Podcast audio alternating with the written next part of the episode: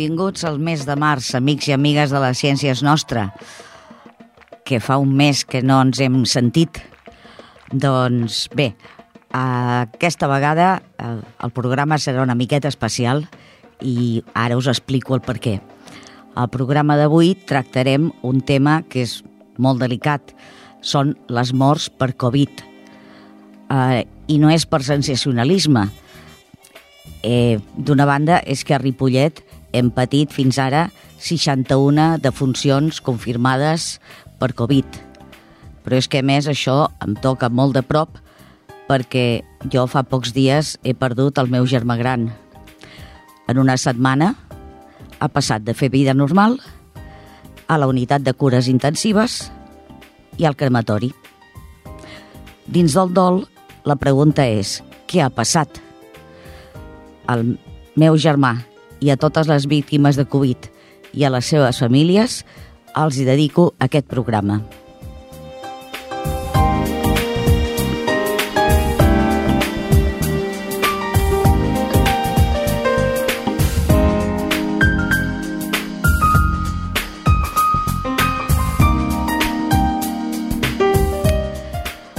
Doncs anem per l'agenda d'aquests dies eh, la Fundació Catalana per la Recerca i la Innovació i l'Associació Catalana de Comunicació Científica organitzen l'11è Premi de Comunicació Científica Audiovisual anomenat Experimenta 2021. Aquesta convocatòria s'adreça a alumnes i a docents que vulguin fer un experiment científic i firmar-lo en vídeo. I té dos objectius – D'una banda, divulgar un principi científic o tecnològic vinculat al currículum dels ensenyaments de primària, secundària, batxillerat o cicles formatius, i d'altra banda, aprendre a fer servir les bases del llenguatge audiovisual. Doncs ja sabeu, si voleu participar amb la vostra escola, amb el vostre col·legi, teniu més informació al web de l'Associació Catalana de Comunicació Científica, accc.cat. Busqueu a l'apartat de notícies i allà ho trobareu.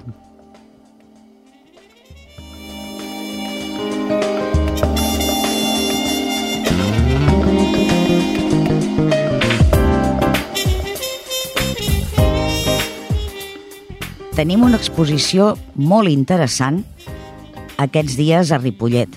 Moltes ho són, i totes per la seva... cada una pel, pel seu interès. Però aquesta va de dones científiques, o sigui que us la recomano. Està en el Centre Cultural, a la Sala 1, fins al 31 de març. Ens presenta 12 dones eh, científiques, tècniques, mm, eh, no actuals, sinó mm, alguna de, de fa segles i altres doncs, una mica més recents, no? però que són dones que han obert camí, que han estat pioneres en uns temps en què la dona mm, no podia pràcticament accedir a estudis superiors i encara menys de, del ram de ciència i tecnologia, i són dones catalanes. O sigui que jo penso que sí que, que val la pena passar-se pel Centre Cultural Sala 1 abans de final de mes.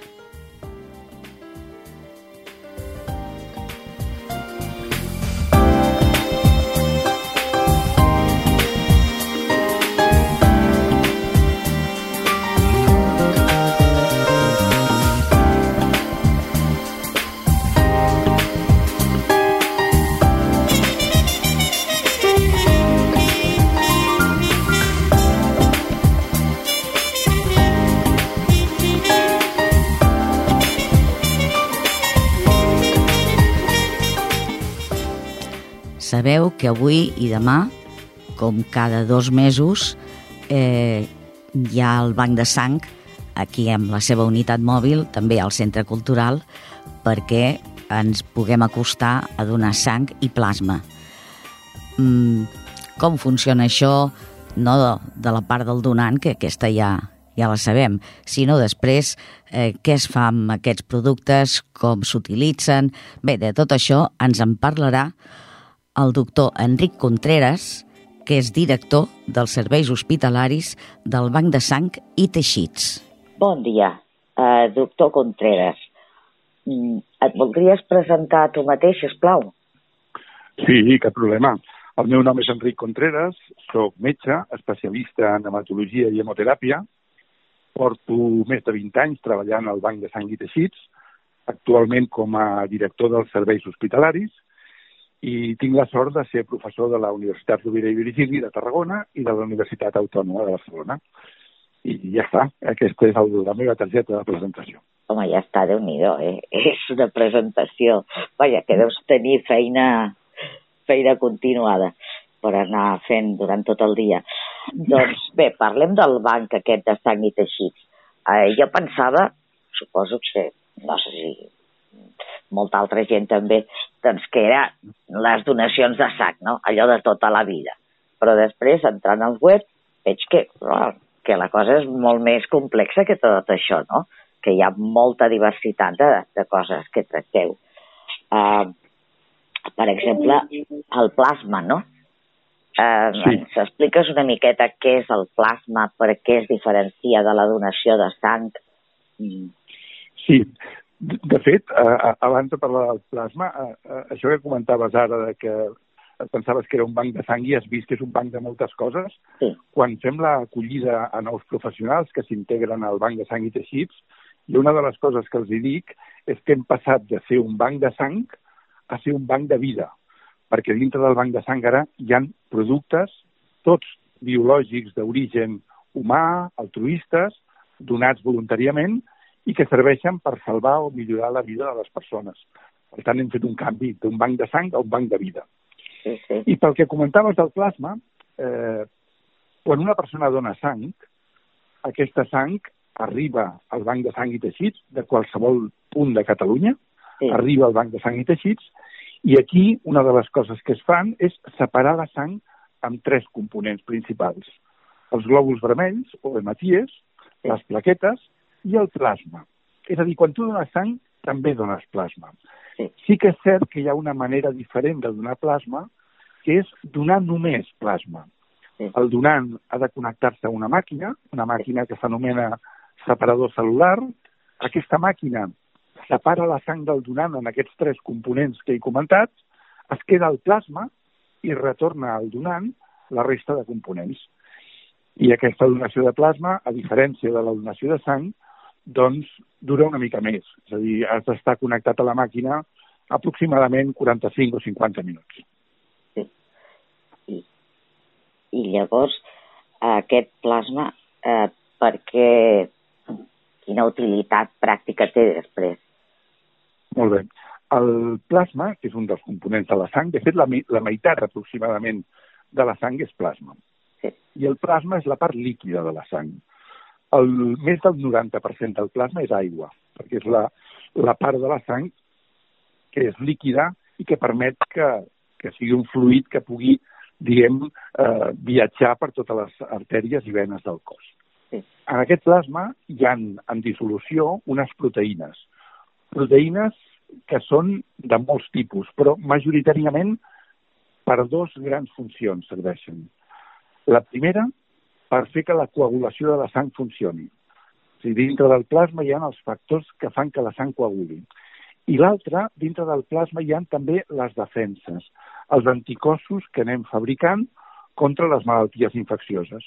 Per tant, a partir del plasma que donem, podem obtenir medicaments que són o bé per millorar la coagulació de la sang o bé per tractar malalties en persones que no tenen defenses, perquè els hi podem subministrar aquestes defenses que els hi falten. Són les immunoglobulines, aquestes famoses, no?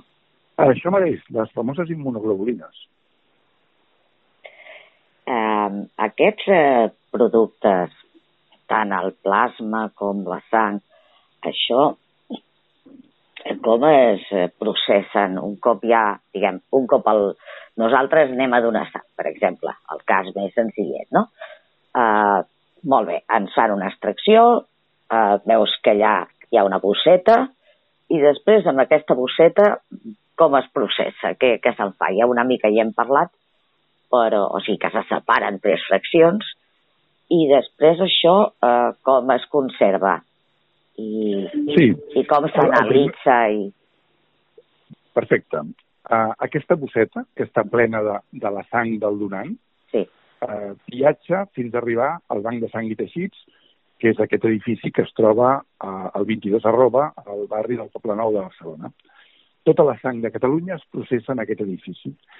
I quan arriba aquesta sang es fan diverses coses. Les dues més importants són, per un costat, separar-la amb els diferents components, perquè la sang, tal com surt de la vena del donant, no arriba al receptor sinó que cada receptor només rep allò que necessita. Plasma, plaquetes, globus vermells... Per tant, el primer que fem és separar-ho. I una vegada separat, cada component es guarda a temperatures diferents.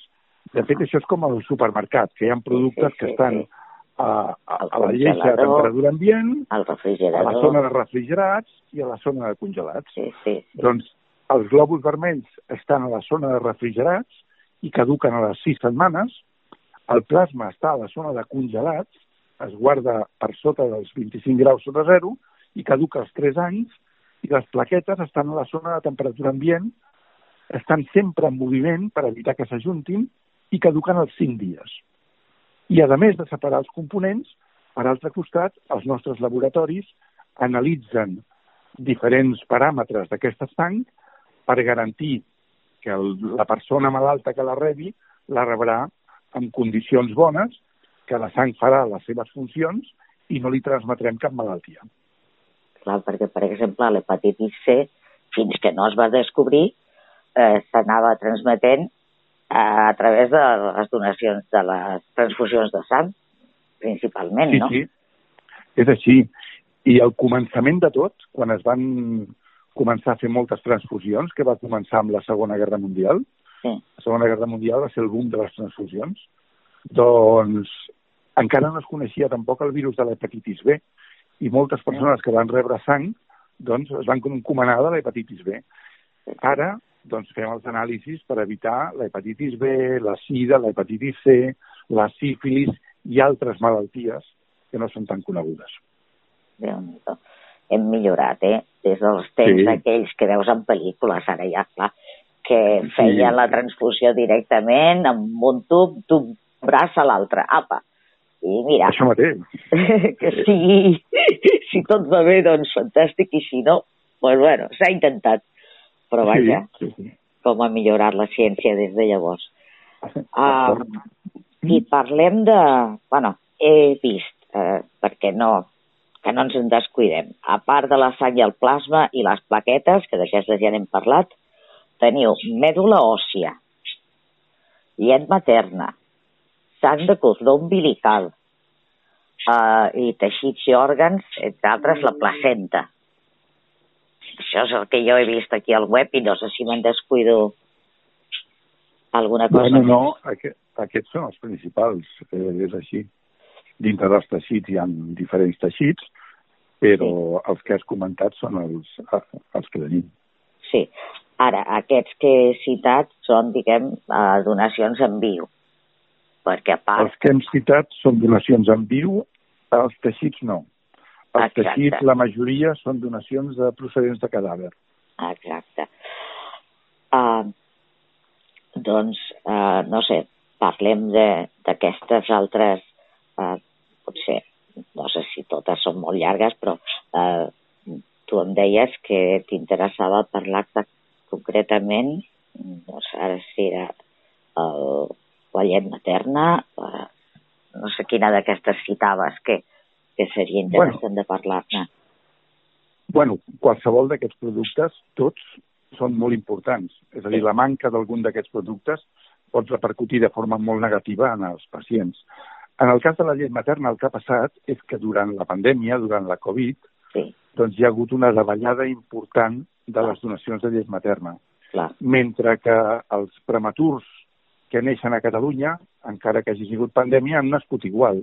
Clar. I els prematurs extrems, aquells nadons que quan neixen pesen un quilo o un quilo i mig o inclús menys d'un quilo, han de rebre sí o sí alimentació amb llet materna i si la seva mare no pot perquè no té llet materna o hi ha alguna contraindicació sí. perquè pugui alletar-los, han de rebre llet humana, procedent de donacions de mares que estan alletant el seu fill.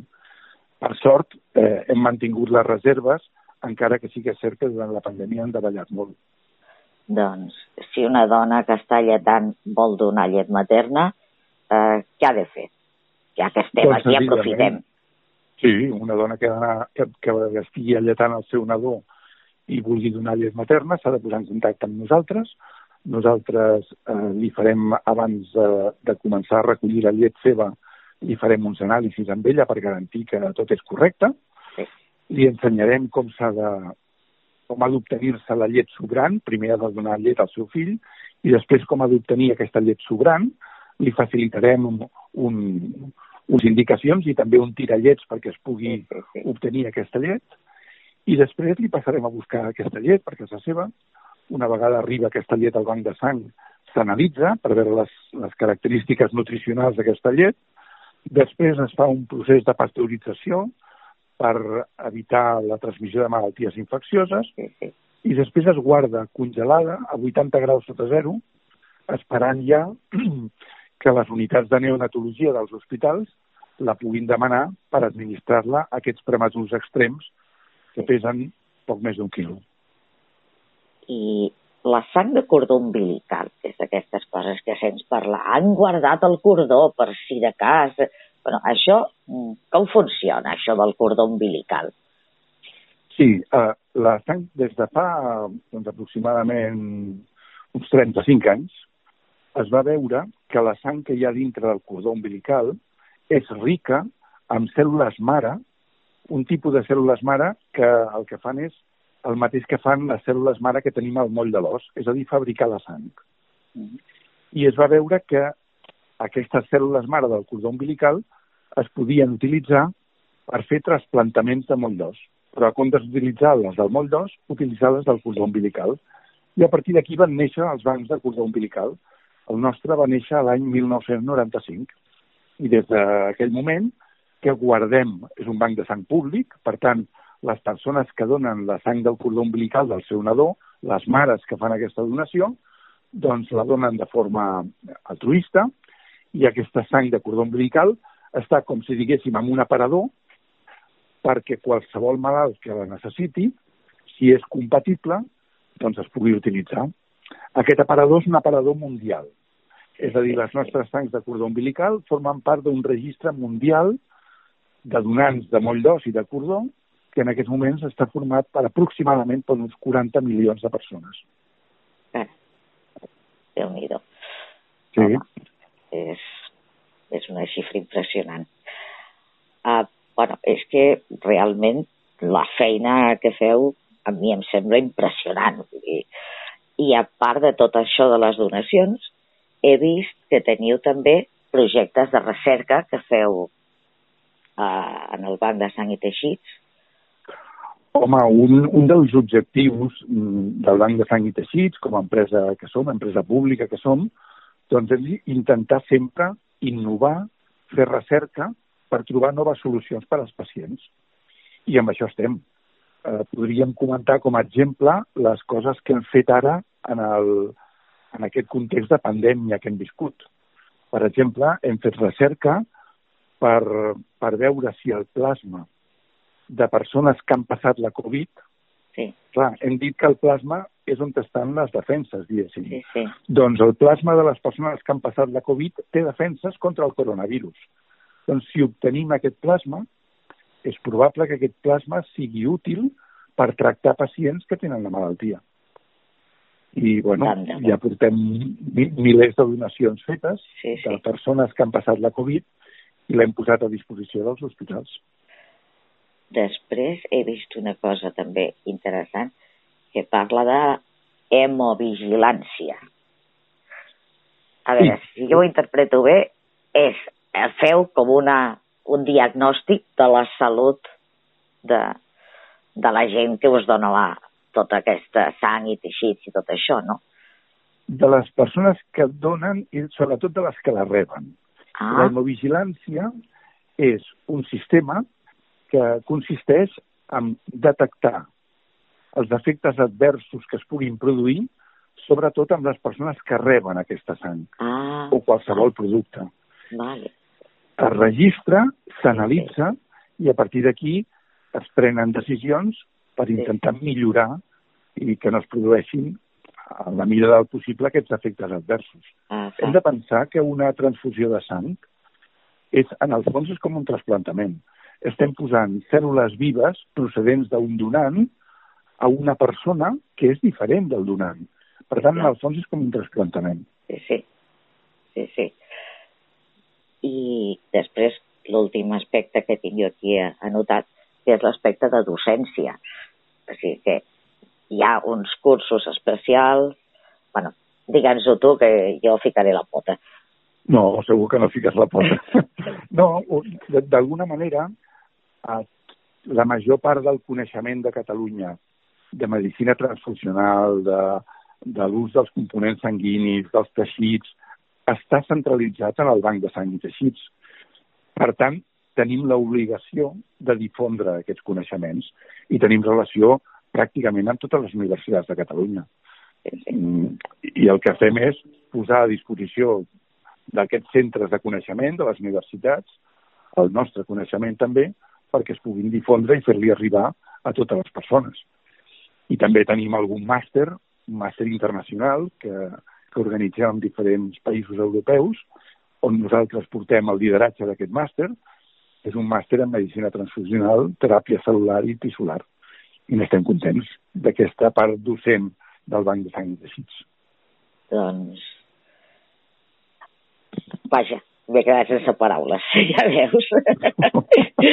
Escolta, moltíssimes gràcies per haver-nos atès, uh, per tot això que ens has explicat, però sobretot per la feina que feu, que no es veu, perquè nosaltres només veiem això que ens punxen allà, ens estem una estoneta, però després no veiem tota la feinada i tota la utilitat que hi ha darrere d'aquest gest, que és mínim.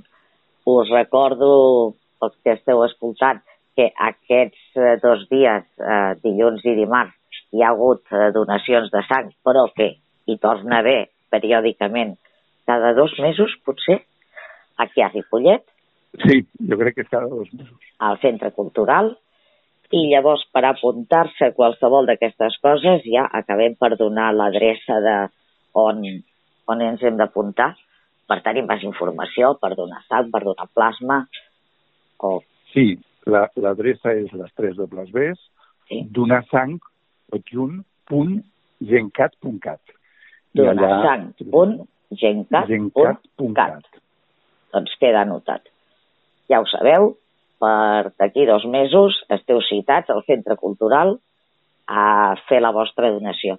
Doncs moltíssimes gràcies i bé, eh, jo tinc cita ara d'aquí una estoneta també per fer la meva aportació, que faltaria més, no? Després d'haver-ne parlat tant. Moltes Molt bé. gràcies.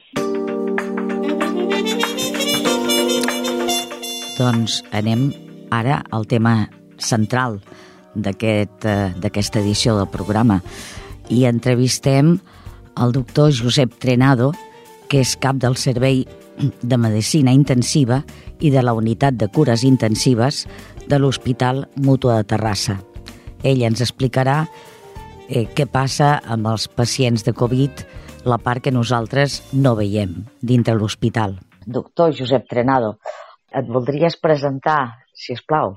Soc el Josep Tenado, soc metge intensivista i en l'actualitat soc el cap de servei del Servei de Medicina Intensiva UCI Semicrítics de l'Hospital Universitari Mutua Terrassa.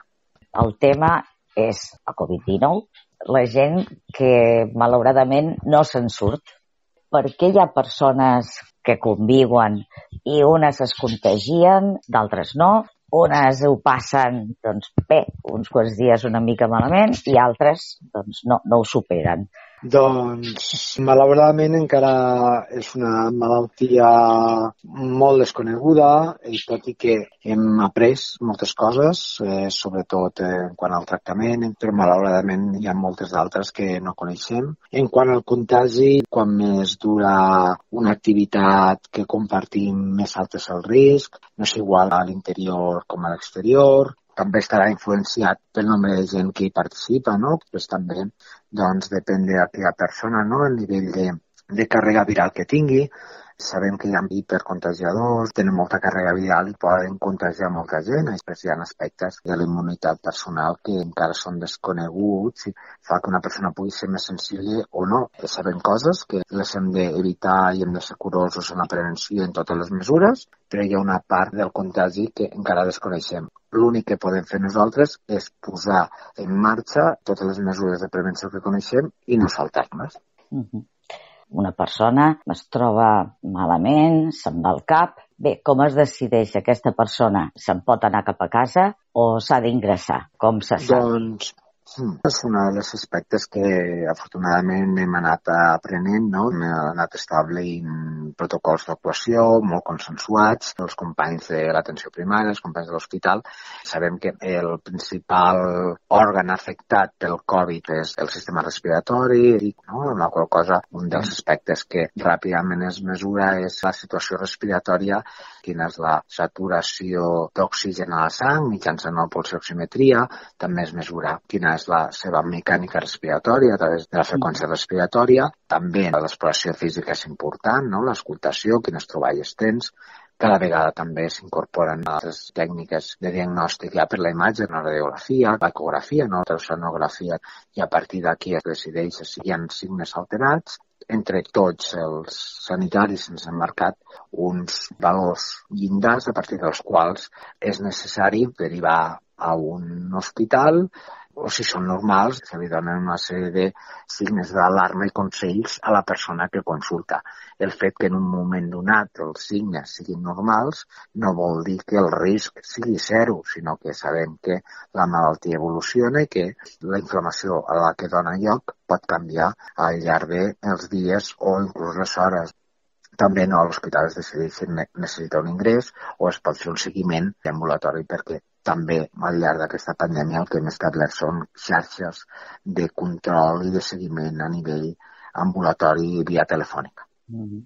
Posem que aquest pacient necessita ser ingressat Llavors, encara que es fan informacions periòdiques amb els familiars, com està aquesta persona, de fet, el perds de vista, que les visites estan molt restringides, i tens la sensació que no saps ben bé què està passant allà dintre, no? Quin tractament se li fa en general, clar. Quines proves es fan, com funciona això per dintre? És cert, aquesta pandèmia el que hem pagat un peatge molt important en quant a l'acompanyament dels familiars. Es duen a terme trucades, videotrucades i tot és cert, no? que no pots veure el teu familiar, és difícil. En principi el tractament depèn una mica de la gravetat. Els quadres que ja ingressen, doncs, actualment el que hem après que el tractament dels corticoids, la dexametasona, juga un paper molt important per tractar aquest quadre inflamatori. I després en funció de eh, els dies d'evolució de la malaltia que porten, doncs hi ha alguns antivirals que han demostrat la seva utilitat, però que dependrà molt de la fase de la malaltia que s'està. El que sí que s'ha vist que si són fases molt avançades o en determinats casos doncs, ja no estan un problema de la circulació del virus, sinó el procés inflamatori que produeix. A més a més, eh, moltes vegades els bacteris aprofiten no, aquesta situació d'inflamació del pulmó per provocar infeccions bacterianes. És necessari afegir també tractament antibiòtic però aquesta és la base del tractament. En quant a les proves, malalts a intervals eh, que es marquen en funció de la seva situació, doncs es controlen diferents vegades, tres, quatre vegades al dia, en funció del que necessiti les constants diàries, inclús més eh, les constants vitals, en funció dels seus requeriments i a part d'això una sèrie de proves complementàries, radiografies, cremografies i sobretot analítiques que ens ajuden a, a mesurar quina és la seva evolució. Quines analítiques feu? El virus el detectem mitjançant proves com poden ser els tests d'antígens o les PCRs que detectem determinades proteïnes. No perseguim el virus, sinó que mirem determinats eh, paràmetres com poden ser la ferritina, la proteïna C, el de dímer, alguns paràmetres que ens posen de manifest si hi ha un procés inflamatori està en augment. Això és sobretot el que valorem, a part de valorar la resta d'òrgans, no? Com pot ser a nivell renal o a nivell cardíac, en funció de l'analítica inicial i els símptomes i signes clínics del pacient, doncs aquesta analítica bàsica podem afegir altres paràmetres. Sí.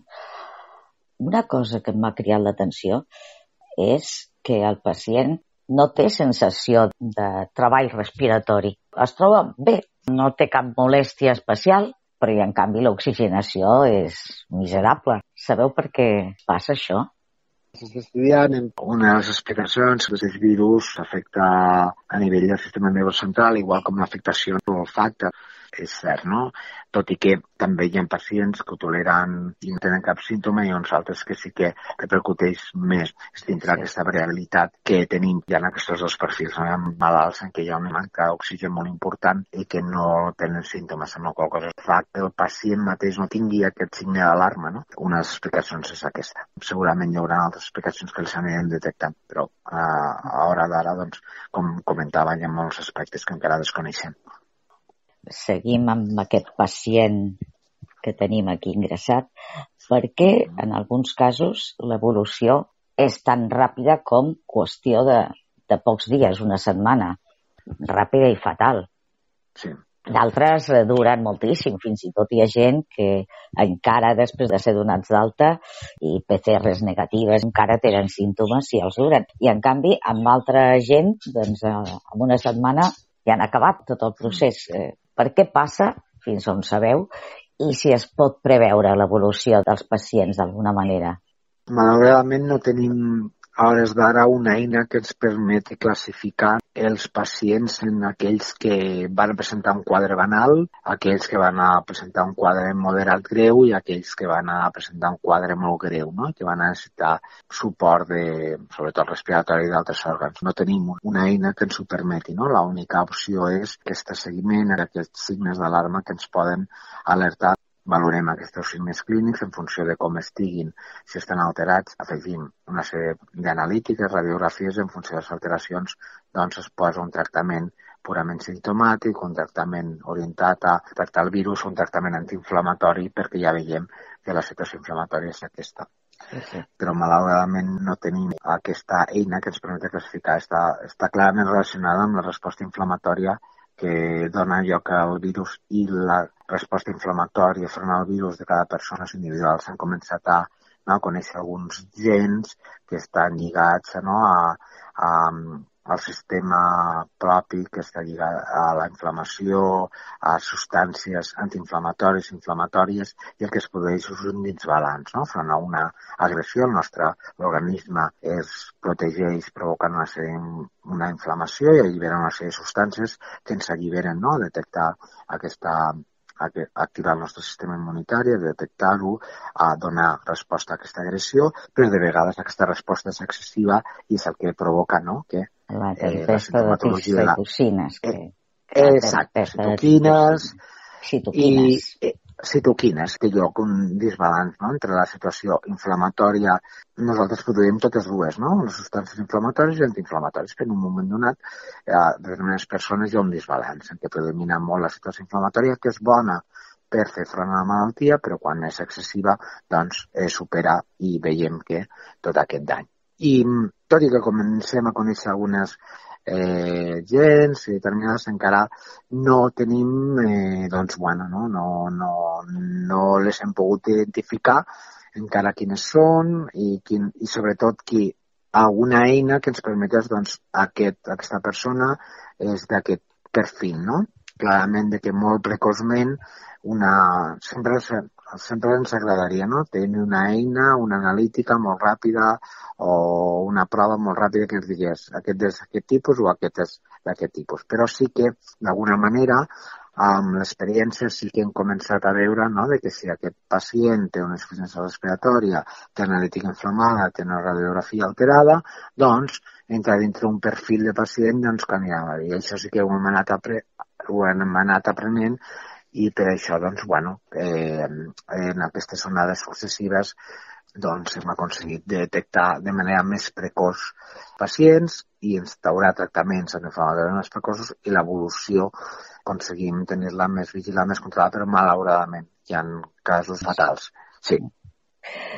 Has parlat de factors genètics per ser, bueno, per predisposar a una evolució més, més negativa. A part de factors genètics, hi ha altres factors, diguem, d'estil de vida que influeixen.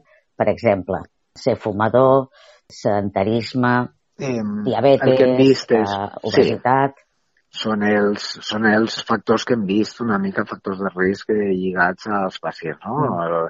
Hi ha un perfil dels pacients de risc, no?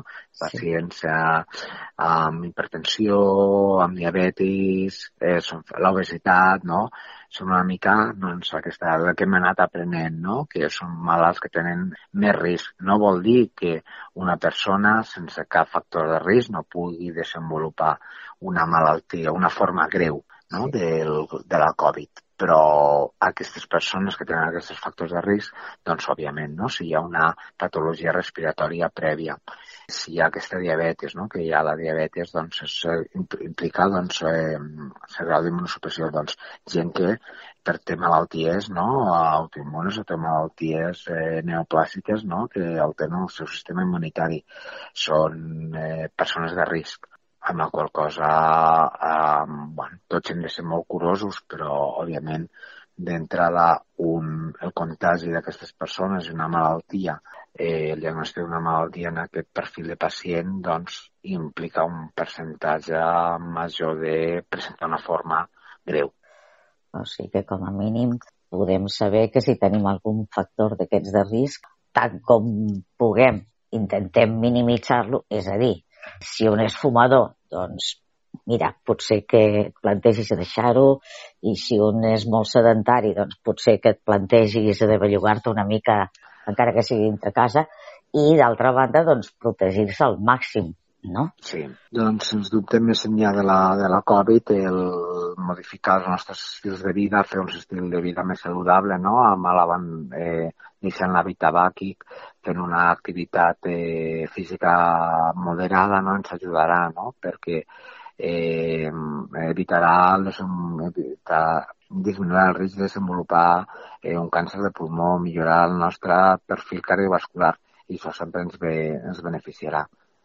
O sigui que és un bon moment eh, per introduir-ho. I l'altre punt és que, tot i és el, les mesures de prevenció, no? ser molt curosos, i independentment de que nosaltres no siguem uns eh, persones de risc, hem de ser molt curosos perquè al nostre voltant hi ha persones que poden ser de risc i nosaltres, tot i que siguem una persona eh, jove, atlètica, sense cap tipus de malaltia prèvia, no? sí que ens podem contagiar i podem ser vectors de, i transmetre la malaltia als nostres éssers estimats que millor no? eh, poden tenir algun d'aquests factors de risc no? i el risc per a ells de presentar una forma greu de la Covid és molt més gran, amb la qual cosa sempre, independentment del de tipus de persona que siguem, eh, sana, no sana, o sana, no sana, vull dir, amb algun, alguna malaltia prèvia, no? Hem de ser molt curosos. Les mesures de prevenció les hem d'extremar. I és la manera que fins que puguem extendre la, la vacunació i, doncs, bueno, intentar... És el que tenim al nostre abast com a ciutadans per fer front a la malaltia. Uh -huh. Sobretot pensant eh, no només amb un mateix, sinó amb els altres que tenim al voltant. Correcte. Uh, Bé, eh, eh, les dues últimes preguntes, bé, hem tingut un desenllaç eh, fatal. Eh, quin protocol se segueix amb els cossos dels difunts? Eh, es fan autòpsies, no se'n fan? Eh, com va això de les autòpsies? Eh, mm, per què s'incineren, encara que bueno, és bastant obvi, però per si algú li, li queda dubtes. Doncs, a veure, sí que hi ha, hi ha protocols, hi ha un protocol que està, doncs, bueno, al principi que es va establir, que es va establir al principi, no?, quan va aparèixer la, la pandèmia doncs, es tenia una mica de desconeixement i doncs, bueno, a poc a poc, a mesura que hem anat generant eh, coneixement doncs, s'ha anat poguent polir, doncs sí que hi ha un document tècnic a nivell de, del mateix Ministeri no? de, de Sanitat que ha establert quin ha de ser el, el maneig dels cossos eh, dels cossos de les persones que moren per, una, per la Covid. I doncs, bueno, això està molt en quant a les autòpsies les classes necessari eh, cal, bueno, hi ha tot un protocol tècnic que estableix quines són les mesures que cal, que cal seguir per, per dur a terme una, una, una autòpsia, el que, el que implica sobretot perquè malgrat que hagin passat molts dies del contagi de malaltia o d'evolució de malaltia, doncs, bueno, de vegades no, el virus pot quedar, diguem-ne, com arraconant, no? Els, els pulmons i altres òrgans poden quedar con, con, tenir la presència de virus, no? I per això fa que eh, aquestes autòpsies s'hagin de dur a terme si és necessària perquè hi ha dubtes clínics de quina ha pogut estar la causa, doncs amb unes mesures molt estrictes i de vegades amb un nivell de, de risc biològic molt alt que no sempre és, eh, tampoc és possible dur-les a termes en, en, tots els, en tots els llocs. No? Hi ha determinats cal, cal determinar eh, doncs, bueno, en derivar determinats centres específics que tenen, poden estan dotats d'una sèrie de característiques tècniques per poder-les dur a terme, no? I, doncs, bueno, si realment és necessari es pot eh, dur a terme, però moltes vegades, eh, doncs, bueno, eh, és simplement quan eh, hi ha una causa que no... la situació, l'evolució de la malaltia o eh, les patologies prèvies que tenia el pacient a la seva història clínica o tot el que hi has dit et pot, no et permet dur a terme doncs, eh, un diagnòstic plausible de quina ha estat la causa de, de la mort. Mm -hmm. O sigui, I, podem i estar bastant això... segurs de que quan es diu ha mort de Covid és que ha mort de Covid. No, o sigui, eh, això que estan, bueno, que estan esbombant alguns de que eh, qualsevol malaltia ara eh, l'adjudiquen a Covid. Eh, I en realitat és una grip o és qualsevol cosa i tots són Covid. No. no, en quant a, en quant a veure, òbviament, eh, en quant a quan una persona, òbviament, no és el mateix, bueno, quan una persona és, mm, no hi ha, clar, no és el mateix una persona que mor en un, hospitalitzada en què tu coneixes absolutament, tens un diagnòstic de, de Covid, has vist l'evolució, saps que, que és com ha anat evolucionant, no? Com una persona, doncs, bueno, que te la trobes morta, que, diguem-ne, no? en la via pública o, en, o a domicili, no? que òbviament en aquell moment pot haver-hi, no? però actualment respecte, en concret respecte a la grip, no? la grip, eh, mm, si parlem així col·loquialment, ha estat esborrada, no? Del mapa dels virus eh, aquest any per, per el coronavirus, no? I continuem, no és que no continuem fent, no? Perquè moltes de les proves que fem, fem proves que detecten diferents virus i, i quan no trobes, no? quan tens un diagnòstic de Covid eh, ho explica, però moltes vegades quan no de vegades tens i afegeix proves complementàries detectes, busques altres virus, entre els quals estan el de la grip i la grip ha, ha desaparegut, o sigui que realment el diagnòstic de grips que s'han fet ha estat testimonial, no? I, òbviament, quan nosaltres posem com a causa de la mort la Covid és perquè tenim eh, criteris per atribuir-la a aquesta causa, si no, doncs, eh, òbviament, eh, busquem, busquem altres causes i, doncs, bueno, si no, doncs, hi ha altres evolucions, o si no, si és necessari, doncs, sol·licitem aquesta autòpsia, no? Però quan ho diem és perquè tenim criteris eh, que, ens, que ens van estar segurs, perquè, òbviament, si no, no, no es certificaria, no? Perquè el que fem els, els metges al signar el, el certificat de defunció és això, no? Certificar sí. la defunció, primer certificar que aquella persona malauradament està morta i després quan posem és perquè tenim una sèrie de dades que ens diuen que la causa ha estat aquella. Mm -hmm.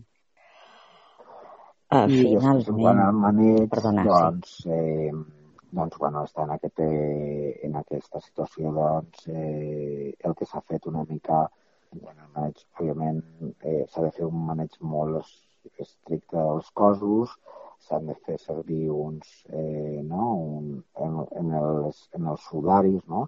quan es tenen, tenen unes característiques especials, es fa un maneig, que això, no? les, les funeràries i els, ja ho tenen molt establert i el que sí que s'ha modificat una mica doncs és tota la, la llei d'enterrament que sempre habitualment s'havia fet 24 hores i que actualment s'ha pogut modificar i que eh, no cal eh, no cal esperar aquestes 24 hores per, des, del, des de la mort per dur a terme la incineració.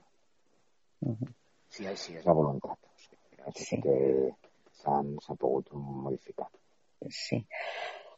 Uh, finalment, eh, clar, tot això, bueno, com hem parlat ja des de bon començament, eh, doncs clar, a les famílies, mm, no sé, els crea una sensació de, a part del dol, com de, de desconcert, de, eh, fins i tot això el mateix de no poder disposar del cos, no poder fer una, una vetlla com és habitual. Bé, teniu algú, o existeix algun servei de suport als familiars que es puguin adreçar? Eh, eh, desconeguen quines, eh, a nivell de cada, cada institució o cada hospital, habitualment eh, doncs, eh, hi ha estructures, no? hi ha estructures que s'han organitzat, ens hem organitzat no? amb els serveis de psiquiatria, amb el suport dels psiquiatres, psicòlegs, no? que habitualment, doncs, bueno, eh, quan és necessari donem suport no?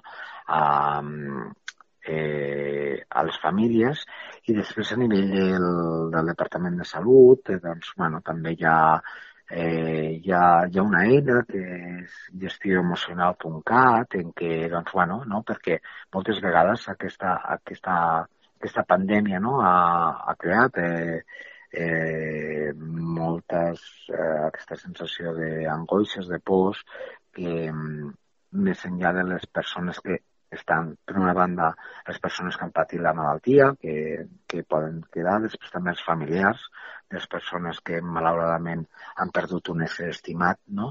per, aquesta, per aquesta malaltia i després també altres persones, doncs, bueno, no oblidem que hem estat confinats, que el nostre, no? la nostra rutina s'ha modificat i això creen doncs, eh, a, a, doncs, bueno, preocupacions, angoixes, pors, i s'ha creat aquesta eina que, doncs, bueno, entres, pots, contestes una sèrie d'ítems i que pot, eh, pot ajudar a tenir eh, doncs, si hi ha una sèrie de puntuacions que t'ajuden, que es detecten persones que es poden beneficiar no? d'un seguiment de trucada i que es posa en marxa una, una, una sèrie d'eines i de seguiments per, a, per, a, per ajudar-les i donar-les suport. No? Això també, si quan, eh, quan aconseguim controlar aquesta pandèmia en sortim, doncs, bueno, serà un aspecte que també per, no? serà un dels efectes una miqueta a llarg termini d'aquesta patologia que haurem d'anar veient, no? perquè ara estem molt centrats, tot i que hem après i estem donant eh, eh, atenció i preocupant-nos per aquests aspectes, no? però eh, els esforços eh, fonamentalment estan adreçats a aconseguir controlar, tractar, controlar la, la disseminació de la, la malaltia, tractar els pacients i aquest aspecte, tot i que s'està vigilant, tractant i intentar eh, oferir suport, doncs, però òbviament els recursos doncs, bueno, en aquests moments eh, s'han de repartir entre els, les diferents vessants. No? Però sí, sí que existeixen aquestes sí, sí. eines que poden ser purament institucionals, de cada institució ho ha organitzat d'una manera o una altra, i després a nivell global de Catalunya existeix aquesta eina. Sí, uh, si et sembla, uh, agafem llapis o bolígraf o el que tinguem, un tros de paper, i repetim altra vegada el nom del recurs perquè hi puguem sí, accedir. Sí, es diu gestió emocional. Tot junt? Sí, tot junt, eh, .cat. Gestioemocional.cat. Doncs sí. tot el que ho necessiti o que conegui algú que ho pugui necessitar, ja ho sabeu. Doncs mm, moltíssimes gràcies per aquesta estona que ens has dedicat, per totes aquestes explicacions. Jo crec que com a mínim, mira, dintre el dol, doncs, bueno, eh, almenys tenir una mica d'informació eh, sempre, sempre és positiu. Sí, la informació... Moltes gràcies per donar-me l'oportunitat de, doncs, bueno, de poder resoldre aquests dubtes que, com bé, com bé dius, doncs, bueno, disposar de més informació Eh, no, malauradament, eh, quan un perd un ésser estimat, eh, el dol i la tristesa per la seva pèrdua no la podrem solucionar, però sí que ens ajuda una mica millor a entendre determinades coses i aquells dubtes i aquelles preguntes no? amb les que ens quedem, doncs, bueno, s'ha pogut ajudar en algun aspecte eh, a resoldre i mm, a, a fer més entenedor, doncs, eh, estaria, estic molt satisfet si he pogut ajudar d'alguna manera. Jo crec que sí. Doncs moltíssimes gràcies i bé, eh, esperem que un altre dia, eh, si parlem, sigui per parlar d'un tema mm, més... Eh, bueno, un altre tema diferent. Un altre tema diferent, efectivament. Doncs moltíssimes gràcies. gràcies. Avui les entrevistes han estat molt llargues, encara que penso que, que han estat interessants, i ens hem quedat sense temps. Només tenim temps per fer un, re, quatre pinzellades d'un experiment per fer a casa, a, a la cuina, molt senzill, però molt interessant. La cosa és, agafeu mig got de llet, no cal que sigui més, i poseu-li vinagre, i veureu què passa. Doncs que la llet, que era tota líquida, de cop i voltes formen uns grumolls i van caient cap al fons. Què ha passat? Doncs ara ve la part interessant. A la llet hi han unes substàncies que es diuen proteïnes. La més important que té la llet es diu caseïna. Potser algú li sonarà. Doncs aquestes proteïnes són com boletes, quan estan dintre l'aigua, que té la llet, doncs estan allà cada una al seu aire i per això mm, no estan en suspensió, estan flotant. Mm? Què passa quan hi posem el vinagre? Doncs aquestes boletes en realitat són com capdells de fil, ben enrotllats. Quan posem el vinagre, resulta que el capdell es desfà i els fils es desfan i es barregen els uns amb els altres i es forma una massa i clar, aquesta massa ja no és capaç de, de quedar-se flotant, sinó que se'n va al fons. Doncs veieu que senzillet hem après sobre les proteïnes. I amb això acabem el programa. Ens veiem, o ens sentim, vaja, el mes vinent i us espero, no hi falteu.